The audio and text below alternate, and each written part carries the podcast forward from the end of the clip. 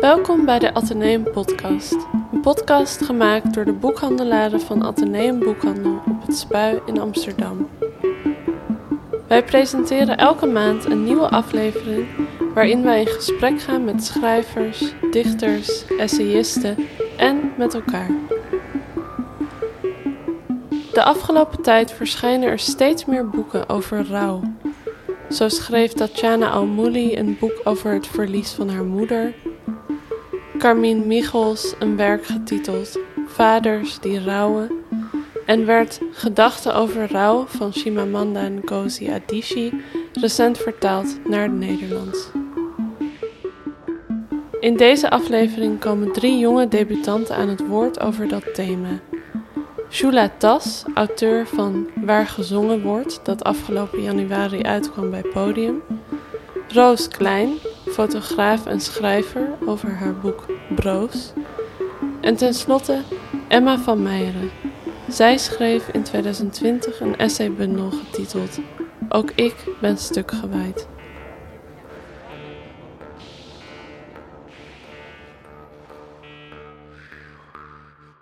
Het boek Broos van Roos Klein is een fotografieproject waarin ze verschillende vormen van rouw heeft willen vatten. Rouw over haar vader die is overleden, maar ook rouw over verandering. Zij kwam bij ons op bezoek en droeg drie stukken voor. Haar eerste tekst gaat over de foto's die ze van haar moeder maakte. De tweede over haar geliefde in transitie en de laatste tekst over rouw in het algemeen, over afscheid nemen van het oude ik. Alleen onze neus is anders. Denk ik als ik in de spiegel kijk of tegenover haar zit, of het verschil daartussen even kwijt ben. Vandaag weet ik dat ik zit en door mijn camera steeds langer durf te kijken naar haar. Wat wil ik vinden in mijn moeder in de tuin waar mijn vader al 2,5 jaar niet meer rondloopt? Ik weet het pas als de foto's geschoten zijn als ik ze bekijk, alleen, aan tafel in mijn andere thuis, als ik in mijn neus mijn vader zie en mijzelf in de wangen van mijn moeder, nu hij steeds verder weg is en zij nog tegenover mij zit, nu mijn beeldscherm op zwart springt en ik ze beiden zie. Met jou huil ik emmers en lach ik wangen vol. Loopt het water me in de mond en langzaam over mijn dijen waan ik mij vloeibaar, niet langer vast. Caro, Tijn, je naam doet er al lang niet meer toe, mijn lief, want ook al verander je zo snel en zo traag tegelijk, eb en vloed hebben geen effect op wie het water is. Leer ik van jou iets, dan is het, laat het golven. Als een vel niet meer past. Ladders je zichtbaar, tussen je knieën al het kruis. Te lang geweekt, te groot gegroeid, te grof gevonden dat hij nog wel even mee kon gaan. Ook vandaag weer aangetrokken zonder rechtop te staan. Als een vel loslaten niets van kiezen is, maar van een keuze die al voor je werd gemaakt. Omdat het je kent, dat vel. Omdat het je weet, dat vel. Dat volgende vel dat wacht, dat gloeit en glanst, nat nog van de verpakking. Vijftien dernier pas, dus pas op nu. Ai zacht nu, knijp zacht nu, grijp zacht nu, tot nagels klampen, vingers krampen. Alles is wat nog wil. En laat los. Het debuut van Shula Tas, waar gezongen wordt, gaat over een jonge vrouw die afstudeert aan het conservatorium, maar daarna geen noot meer zingt. Wanneer een zorgzame buurvrouw op een dag vraagt waarom ze eigenlijk niet meer zingt, start het hoofdpersonage aan de hand van verhuisdozen vol geërfd waar een intieme zoektocht naar haar familiegeschiedenis en identiteit. Dit boek gaat over muziek, verlies, jodendom, rouw, schaamte en het vinden van een eigen stem. Collega boekverkopers Lin van der Zaag en Reni van der Kamp gingen met Shula Tas in gesprek over deze onderwerpen. Um, welkom Shula. uh, bij deze tweede podcast van uh, Atheneum Boekhandel op het Spui. Dankjewel. we spreken vanmiddag dus met Shula Tas over haar nieuwe boek Waar gezongen wordt. Um, en in gesprek met haar ga ik zelf, Reni van der Kamp, en mijn collega Lin van der Zaag. Hallo. Hoi. Nou, Lin, uh, steek van wal. Steek van wal. Uh, ja, welkom. Fijn dat je er bent. Dank je. Um, Leuk om hier te zijn. Om meteen um, met de deur in huis te vallen. Ik ben heel benieuwd naar het schrijfproces. Kun je er iets over vertellen over hoe het tot stand kwam dat je bijvoorbeeld bij podium hebt getekend en uh, hoe het contact met je redacteur is en hoe lang je erover hebt gedaan? Um, nou, bij podium ben ik gekomen uh, via Erik van Brugge. Dat is, ik werkte uh, destijds bij BKB. Uh, of daar deed ik de BKB-academie, runde ik. En Erik die had mij al, voordat ik ooit een letter op papier hierover had gezet... had hij al gezegd dat ik een keer met Joost Nijssen moest praten van podium. En dat heb ik toen een keer gedaan. Toen, ik had wel allemaal ideeën al voor schrijven... maar ik wist eigenlijk nog niet in welke vorm het moest uh, gebeuren. En dat was wel een hele leuke klik met Joost meteen. Um, en toen, uh, ik denk dat het een jaar, anderhalf jaar later, had ik een manuscript geschreven uh, namens Rose Stories. Um, dat was eigenlijk een theatertekst, omdat dit boek oorspronkelijk tot stand is gekomen naar, naar aanleiding van het idee om een muziektheaterstuk te maken over rouw. En Um, dat manuscript uh, uh, heb ik toen naar Joost gestuurd en toen was het eigenlijk meteen kom bij ons. Dus dat was heel erg leuk natuurlijk. En dat manuscript is de basis geweest voor waar gezongen wordt. Oh, te gek. En ik begreep dat, um, dat je sowieso ook nog aan de slag gaat met dit boek als in theatervorm, toch? Nou, dat weet ik eigenlijk nog helemaal niet. Nee, want ik ben nu inmiddels al best wel... Ik ben geloof ik sinds, nou, uh, ik denk 2018 al bezig met dit, misschien 2017 al, bezig met dit onderwerp. En ik merk dat ik ook wel weer zin heb om naar iets nieuws te gaan. ja. um, dus ik weet het eigenlijk nog niet zo goed. Ik probeer een beetje te landen in uh, dit schrijverschap en te kijken uh, wat hier een beetje uitkomt. Betekent dat je al met iets nieuws bezig bent? Ik ben wel met iets bezig, ja. Maar het, is nog, het mag echt nog geen naam hebben hoor. Maar ik heb al wel, ik heb al ideeën en ik heb ook al wat op papier, maar ik ga er verder niks over zeggen. Het zit vooral nog in je hoofd. Het, uh, ja, precies. Ja. Hey, um, even over uh, het boek zelf, waar gezongen wordt. Uh, de hoofdpersoon van het boek heet ook Shula. Ja. Heb je overwogen om de hoofdpersoon een andere naam te geven? Ja. Ik heb dat eigenlijk tot op. ik heb eigenlijk eigenlijk gedurende het, ongeveer het hele schrijfproces heb ik gedacht, ze krijgt nog een andere naam. Um, maar toen kwam ik in mijn onderzoek achter een feit over mijn naam, wat ik zo betoverend vond, dat ik het eigenlijk niet uh, kon laten om er toch Shula te noemen.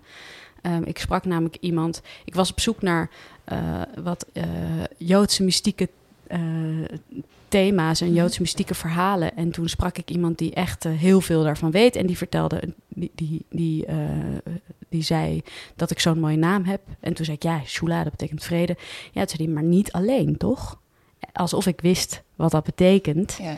Uh, want toen vertelde hij me dat Shulamit is Shulam. Dat is het, het woord voor heelheid, to be whole, wat mm -hmm. hetzelfde in het uh, Hebreeuws betekent als vrede. Maar de mit is de dood. dood ja. Dus uh, het is de vrede en de dood, de heelheid en de dood, die zijn samen in mijn naam. En dat vond ik zo prachtig, uh, dat ik dacht, ja, dat eigenlijk gaat mijn boek gaat hierover. Dus ik kan het niet, niet doen. Nee, en ik heb daar wel een beetje iets over mezelf afgeroepen, want ik merk dat zelfs mensen die me echt goed kennen, die lezen dit alsof ik het ben. Dus ja. ik krijg echt van mensen, nou, ik vond het echt heel leuk om even in jouw gedachten mee te lopen. En dat is natuurlijk heel leuk. En ik ga er ook maar gewoon mee spelen. Want het is, het is ook wel weer heel mooi dat mensen nu denken dat al deze gesprekken echt hebben plaatsgevonden. Ja. Um, maar het is wel, het, het, ja, het is echt fictie. Ja, maar de, dus ja, maar precies de, de, de lijn tussen fictie en, en autofictie, die is heel dun geworden omdat je haar Shula hebt genoemd, ja. denk ik. Hè? Ja, en dat hangt natuurlijk ook samen met de voorouders die ik wel deels ook bij uh, ja, die allemaal echt noem, zijn. Die allemaal echt zijn. Abel Hertzberg. En, ja, nou ja. de grap is dat ik eigenlijk dus... Um, ik heb in het begin van, de, van het schrijfproces heel veel onderzoek gedaan.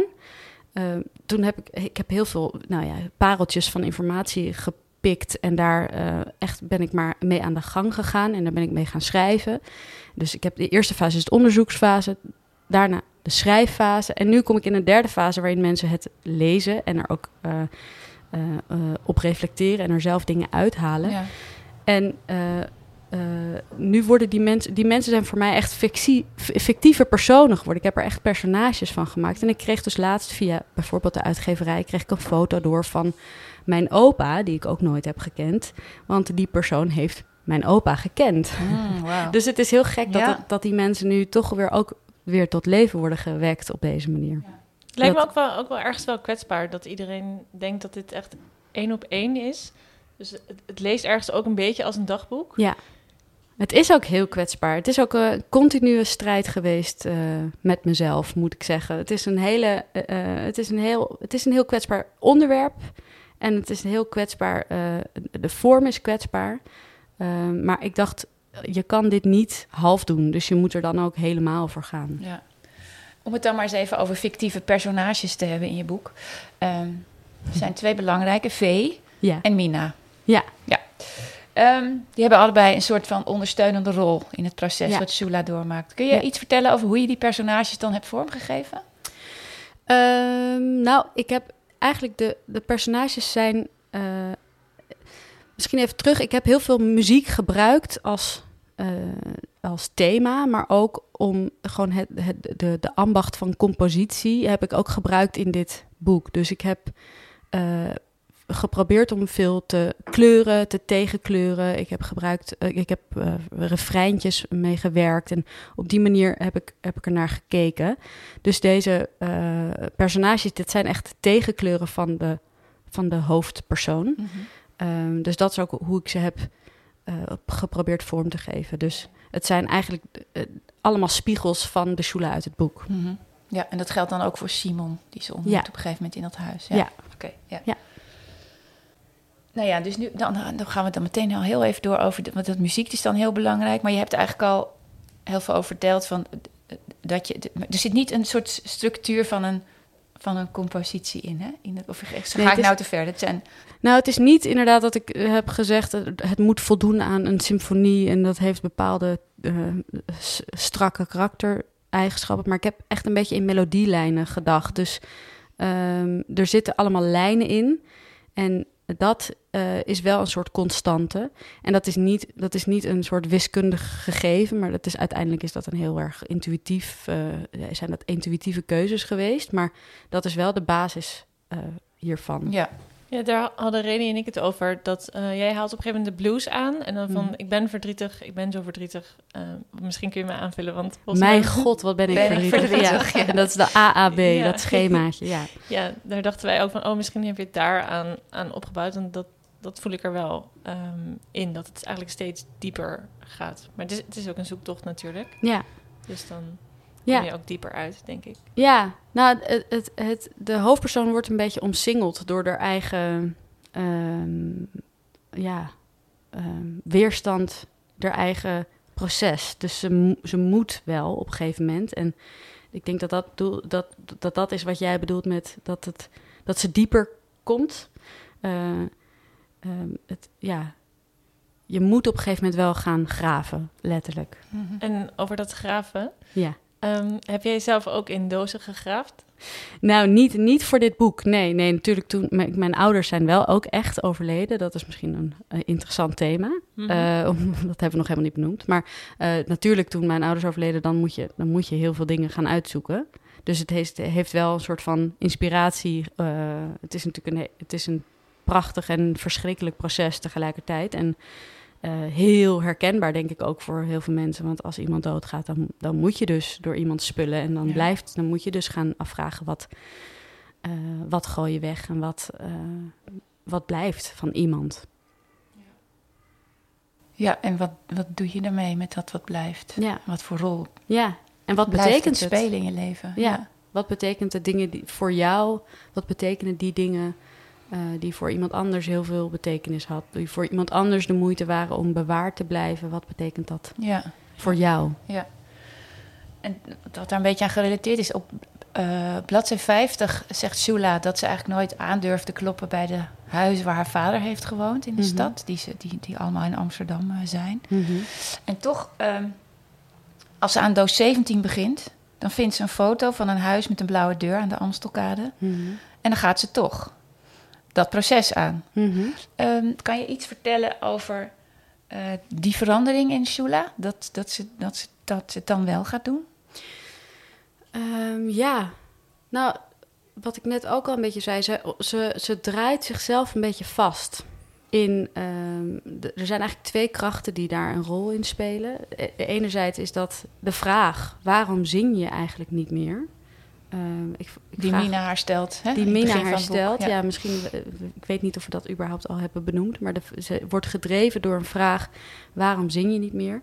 Eh, dat, is de, dat is de ene kracht. En de andere kracht is, is, het, is de druk van de, van de bagage die op haar zolder wacht. En die, die zolder die moet leeg. Ja, want Vee wil daar eh, spulletjes Ja, neerzetten. precies. Er moet gewoon ruimte komen. Ehm, en ehm, eh, ze, ze, op een gegeven moment moet ze wel. Eh, ze moet, en die twee hangen ook samen. Dat, dat, dat, dat is iets wat ik me pas later ben gaan realiseren. Eigenlijk dat dat zo met elkaar verbonden is Mhm. voor deze persoon, voor dit personage. Ehm, eh, ja. Ehm, Dus op een gegeven moment gaat ze toch dat proces aan door dat, door ze wil naar dat huis. Ja, ja, op een gegeven moment krijgt ze een beetje zin erin ook, denk ik. Ja. Ze, ze, had, eh, ze, ze wilde het eigenlijk helemaal niet. Ze heeft alleen maar weerstand. En op een gegeven moment eh, smaakt het naar meer, Ja. de informatie. Mhm. En het brengt er ook veel. Zeker, het brengt er veel. Ja. Het brengt er irritatie, maar het brengt er ook verder. Ja, het Ja. brengt er verder. Het, Ja. het heft echt een beetje de blokkade op die ze, die ze heeft opgelopen. Ehm, eh, op pagina 38, dan stel jij, ehm, eh, ik citeer... Dode mensen interacteren maar zelden. En daarna vraagt zij eigenlijk aan de lezer... ehm, wat gebeurt er met je identiteit als de interactie met je ouders stilvalt? Ehm, ik wilde eigenlijk die vraag ook eh, aan je terugkaatsen. Mhm. Ehm, omdat ik, ik denk naar aanleiding van dit boek... dat je daar misschien ook een antwoord op hebt kunnen formuleren voor jezelf. Ah, ja, dus het is een goede vraag. Eh, wat gebeurt er met je identiteit? Nou, in de eerste instantie ben je, zodra je geen ouders meer hebt, ben je eh, niemands kind meer. Ehm, en dat, dat, is, dat is natuurlijk al een, een hele essentiële eh, identitaire eh, categorie, zeg maar. Een kind zijn van iemand. Ehm, maar wat, wat, er, wat, wat, wat dat ook betekent, is dat je dus de, de laatste in de lijn bent. Je bent ook, zo heb ik dat zelf ervaren, je bent ook verantwoordelijk opeens voor eh, de verhalen. Ehm, Mhm. Dus wat blijft er over? Ehm, ga je iets doorgeven daarvan? Ehm, eh, de Shula uit het boek heeft, heeft geen kinderen. Ik heb er zelf twee.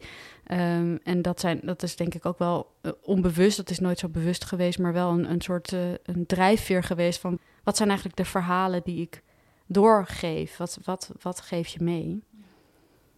Dan in het boek ehm, heeft de hoofdpersonage wel een tweelingbroer. En ik, ik meen eigenlijk best, best veel broers en zussen. Ik meen vijf eigenlijk. In totaal zijn het er acht. Acht, ja. ja. Ja, acht. Ja, en dat is echt waar. Want sommige dingen kun je gewoon niet verzinnen. Dus dat is echt waar. En ik heb ook echt een tweelingbroer. Ehm, en dat, ik was wel leuk. Laatst zei een, een vroeg een journalist aan mij: wat, Ik vond dat zo'n geniale theatrale ingreep dat je die tweelingbroer hebt verzonnen. Maar die heb ik niet Die wel verzonnen. die bestaat. Ehm, maar alle, alle tekst, alle dialogen zijn verzonnen. Dus ehm, ja. Hey, en op welk moment in haar leven komt Shula er eigenlijk achter dat haar oma ook stopte met zingen? In dit boek eh, is dat, eh, zoals dat soms gaat met herinneringen, dat je opeens denkt: hé, hey, wacht eens even. Dat, dat was ook zo, dat is ook zo, dat heb ik geweten. Ja.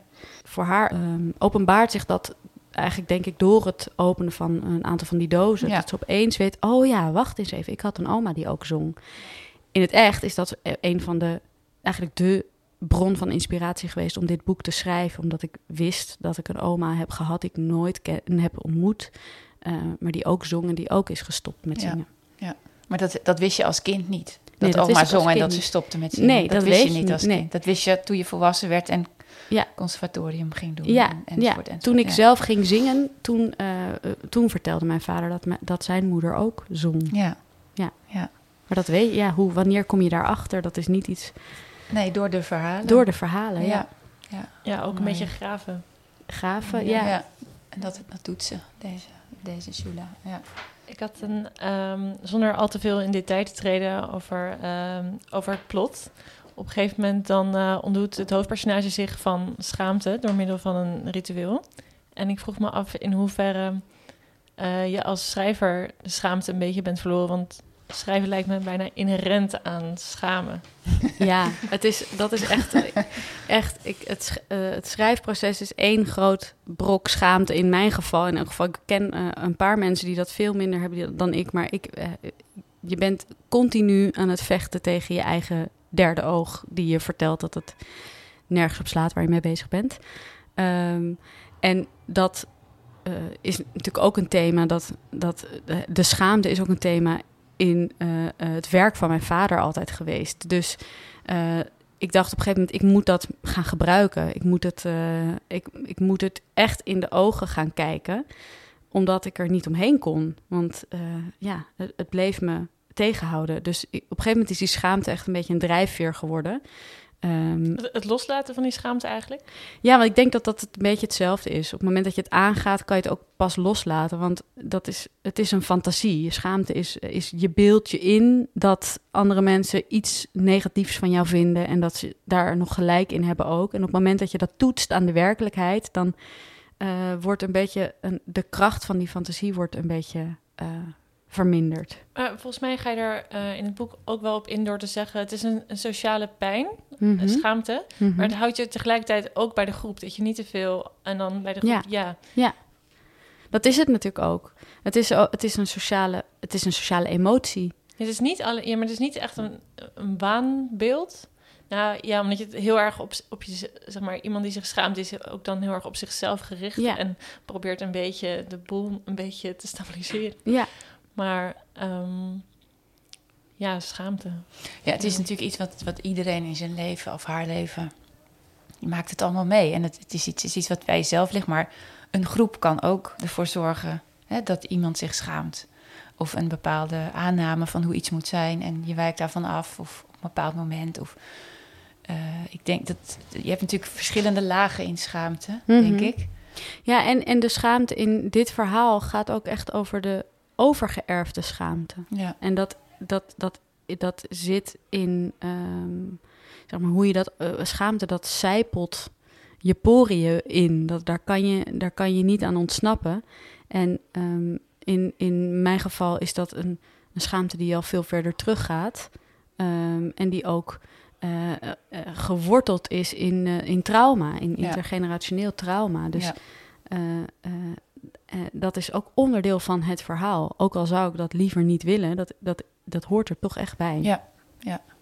Nou ja, ik vind dat, je, dat de, de Shula uit het boek daar ook wel echt eh, op een hele intense en, en ook heldere manier voor de lezer eh, doorheen gaat, zeg maar. Het is het, het, het, het ritueel wat plaatsvindt en, en, en, en hoe ze er ja, hoe ze daarover denkt en, en met haar eh, kleine gesprekjes die ze heeft met, eh met Vee bijvoorbeeld.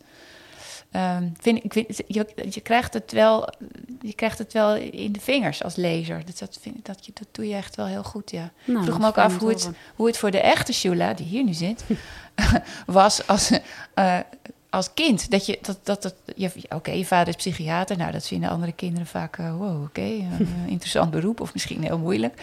Maar wist, wist je als kind dat dit, zeg maar, speelde in het werk van je vader?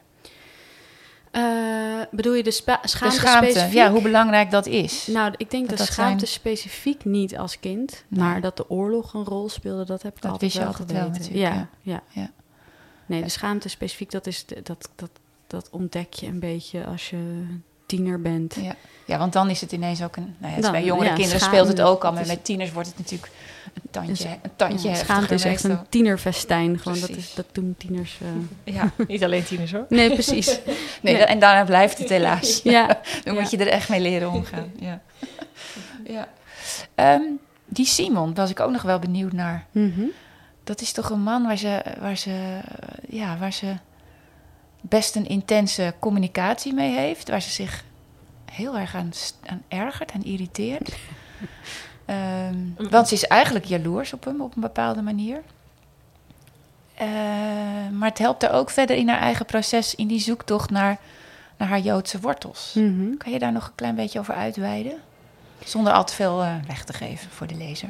Ehm, ja, nou ja, zij probeert ook in Simon een soort spiegel te vinden, denk ik. Ehm, ehm, Simon is, is bekeerd tot het Jodendom, dus dat is een, echt een tegenovergestelde richting dan, dan, Ja. eh, dan de Shula, eh, het, het personage en ook de Shula die hier nu zit. Ehm, Komt dan de jaloezie omdat hij heel duidelijk voor zichzelf heeft waar, waar hij in gelooft. En dat eh, het hoofdpersonage daar dan nog heel zoekend naar is. Nou, de jaloezie komt, denk ik, specifiek omdat hij zich veilig, Veilig voelt. voelt, ja. eh, veilig voelt en dan specifiek binnen die Joodse eh, gemeenschap. Eh, het Jodendom is voor hem een bron van veiligheid en dat is het eh, voor mij niet en ook niet voor de Shula uit het boek. Het is een, het is een bron van juist onveiligheid. En dat, daar is, dat is natuurlijk wel jaloersmakend, dat je, dat je heel erg veilig kunt voelen. Ja, ja dat kan ik me voorstellen. Ja. Ja. ja, want het is, hij voelt niet de kwetsbaarheid, hij voelt eigenlijk de kracht. Hij vindt het alleen maar prachtig en Ja. hij vindt het alleen maar eh, iets om trots op te zijn en om ontroerd door te raken. En eh, ja, Ja, dat is trouwens ook wel grappig dat ik nu, want dit, dit boek gaat over schaamte, het gaat ook over de schaamte ri- richting het Jodendom. En ehm, nu het boek in de wereld is en ik mensen dus erover spreek, kom ik steeds meer mensen tegen die zeggen, maar ik heb altijd het Jodendom gezien als iets om tegenop te kijken als iets nastrevenswaardig. En dat is voor mij echt iets, eh, dat is een hele mooie bijvangst van dit boek eigenlijk. Want dat heb ik me nooit gerealiseerd dat dat dus voor sommige mensen zo is. Want Mhm. in mijn familie, mijn omgeving is, nou niet, niet iedereen in mijn omgeving, maar in mijn directe omgeving is het vooral iets, eh, op zijn minst is het ingewikkeld. ja. Ehm, en voor buitenstaanders is dat dus altijd iets geweest waar je eh, naar kunt streven. En dat vind ik een heel mooie bijvangst. ja. En doet het, wat doet het met je, die bijvangst? Ja, dat is, dat is heel bijzonder. Want ehm, ehm, zoals ik net, ik vertelde net even dat dus opeens mijn, eh, mijn grootouders eh, tot leven komen. Mensen die ik tot een fictief personage heb gemaakt. eh, die hebben echt bestaan, blijkt. en de mensen hebben ze echt gekend. Dus dat is heel mooi dat, Ja, die, dat ze opeens weer zo gespiegeld worden.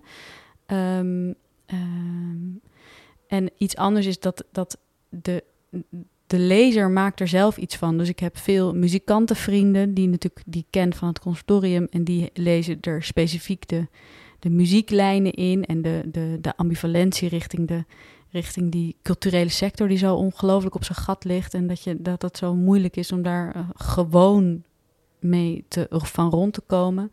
Ehm, mensen die in de rouw zijn of zelf bezig zijn met dat thema halen dat er heel erg uit.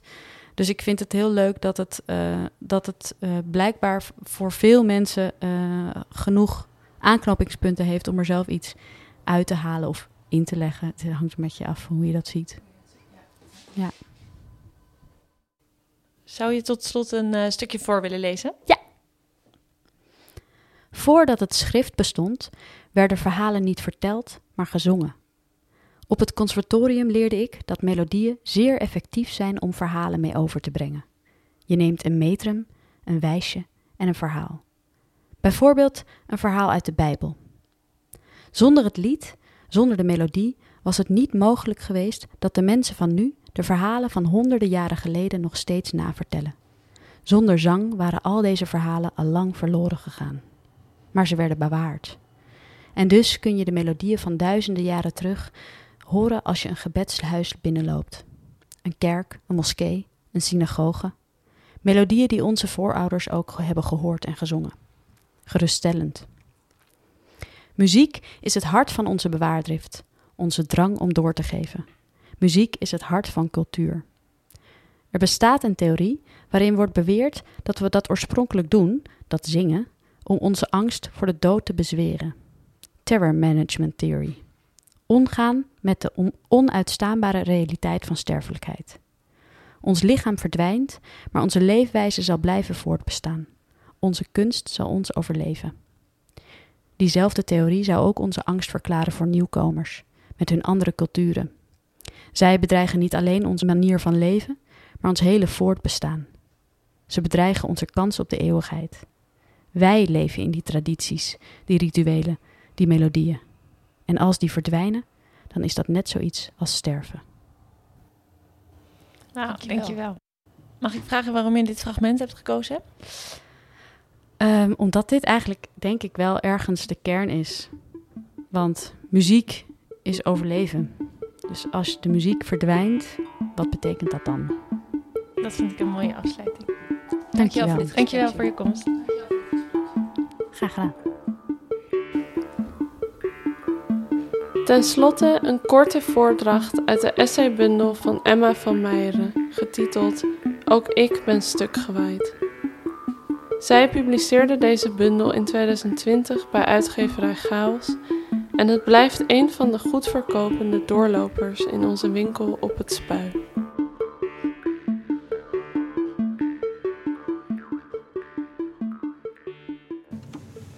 Mijn moeder was onderdeel van een patroon van zussen. Zeven vrouwen die afwisselend extreem op elkaar kunnen lijken en even extreem van elkaar kunnen verschillen. Een van de zussen nam me een paar jaar na mijn moeders overlijden op een verjaardag apart. Ze zei: Ik denk nog wel eens aan haar hoor. Toen ik niet direct reageerde, voegde ze er voorzichtig aan toe: Aan je moeder? Ik was met stomheid geslagen door de nonchalance waarmee ze dit zei, terwijl ze toch zo haar best deed om iets dat anderen niet eens durfden te bespreken, in ieder geval te benoemen. Dat haar dood voor mijn tante iets was waar zij zo nu en dan aan dacht, terwijl er voor mij geen seconde voorbij ging dat ik niet aan haar dacht, was een rauwe en ontnuchterende realisatie. Ik ook, antwoordde ik uiteindelijk. Wel eens. In rouwtheorie wordt de verandering in de relatie tussen familieleden wanneer iemand overlijdt secundair verlies genoemd. Primair is het verlies van de persoon die overleden is. Secundair het verlies van relaties en gewoonten die veranderen door het primaire verlies. Het verlies van een persoon is ook het verlies van een wereld, of een versie van de wereld, die zonder die persoon niet meer hetzelfde is. Een secundair verlies kan dus een veranderende relatie tot andere familieleden zijn, maar ook een veranderend wereldbeeld. Een overlijden kan radicaliseren, omdat het vereenzaamt, omdat het onrechtvaardig is. Ook dat is een secundair verlies. Het verlies van geloof, het verlies van onschuld. In psychologisch onderzoek naar rouw staat meestal het primaire verlies centraal. Het is immers niet gemakkelijk een veranderende wereld in kaart te brengen. De Nederlandse psychologen Margret Stroebe en Henk Schut zijn kritisch over de verwaarlozing van secundair verlies. Zij willen het primaire verlies niet isoleren van het secundaire en begeven zich daarom op het terrein van de rommelige, alledaagse ervaringen waar primair en secundair verlies in samenkomen. Om alledaagse ervaringen met rouw te kunnen onderzoeken, ontwikkelde zij het Dual Process Model. Het model heeft twee kanten een oriëntatie op verlies en een oriëntatie op herstel. Rouwverwerking gebeurt volgens hen op alledaagse momenten door een slingerende, oscillerende beweging tussen die twee kanten. Soms door volledig in het verlies op te gaan, soms door juist afleiding te zoeken of het zelfs weg te stoppen. In tegenstelling tot veel andere psychologen zien zij afleiding en ontkenning niet per definitie als een problematische reactie op rouw. Het rouwproces gaat volgens hen eerder om de slingerende beweging tussen verlies en herstel dan om wat er gebeurt aan één van die twee kanten. De beweging wordt aangeslingerd door allerlei alledaagse motieven, wat ervoor zorgt dat rouw grillig en onvoorspelbaar heen en weer gaat tussen erkenning en ontkenning. Spanning kan plots toenemen en even plots weer afnemen, zonder waarschuwing, zonder tijd om je erop voor te bereiden. Zo houdt rouw zich stevig vast aan het alledaagse, blijft plakken en maakt het zichzelf moeilijk communiceerbaar. Ik zou me moeten voorbereiden op haar dood. Ik probeer te voelen wat ik zou voelen wanneer het gebeurt. Ik voel niks, schrijft Chantal Akerman in haar roman My Mother Laughs. Akerman vreest het verlies al voor de dood, maar ze ontdekt telkens opnieuw dat ze zich, ondanks haar obsessieve oriëntatie op de dood, niet werkelijk voor kan stellen hoe het zal voelen wanneer haar moeder overlijdt. Dit is waar motieven in bemiddelen. Als een weefgetouw spannen zij de draden van primair en secundair verlies samen. Van de wereld met en zonder. Van het voor en het na. De motieven weven en weven tot er iets is samengekomen dat voorheen gescheiden leek. Dit is geen verhaal, geen plot. Het is niet eens een gebeurtenis. Dit is de rommelige werkelijkheid die amper aan elkaar blijft hangen en toch samenhoort. Dit is een veranderende wereld.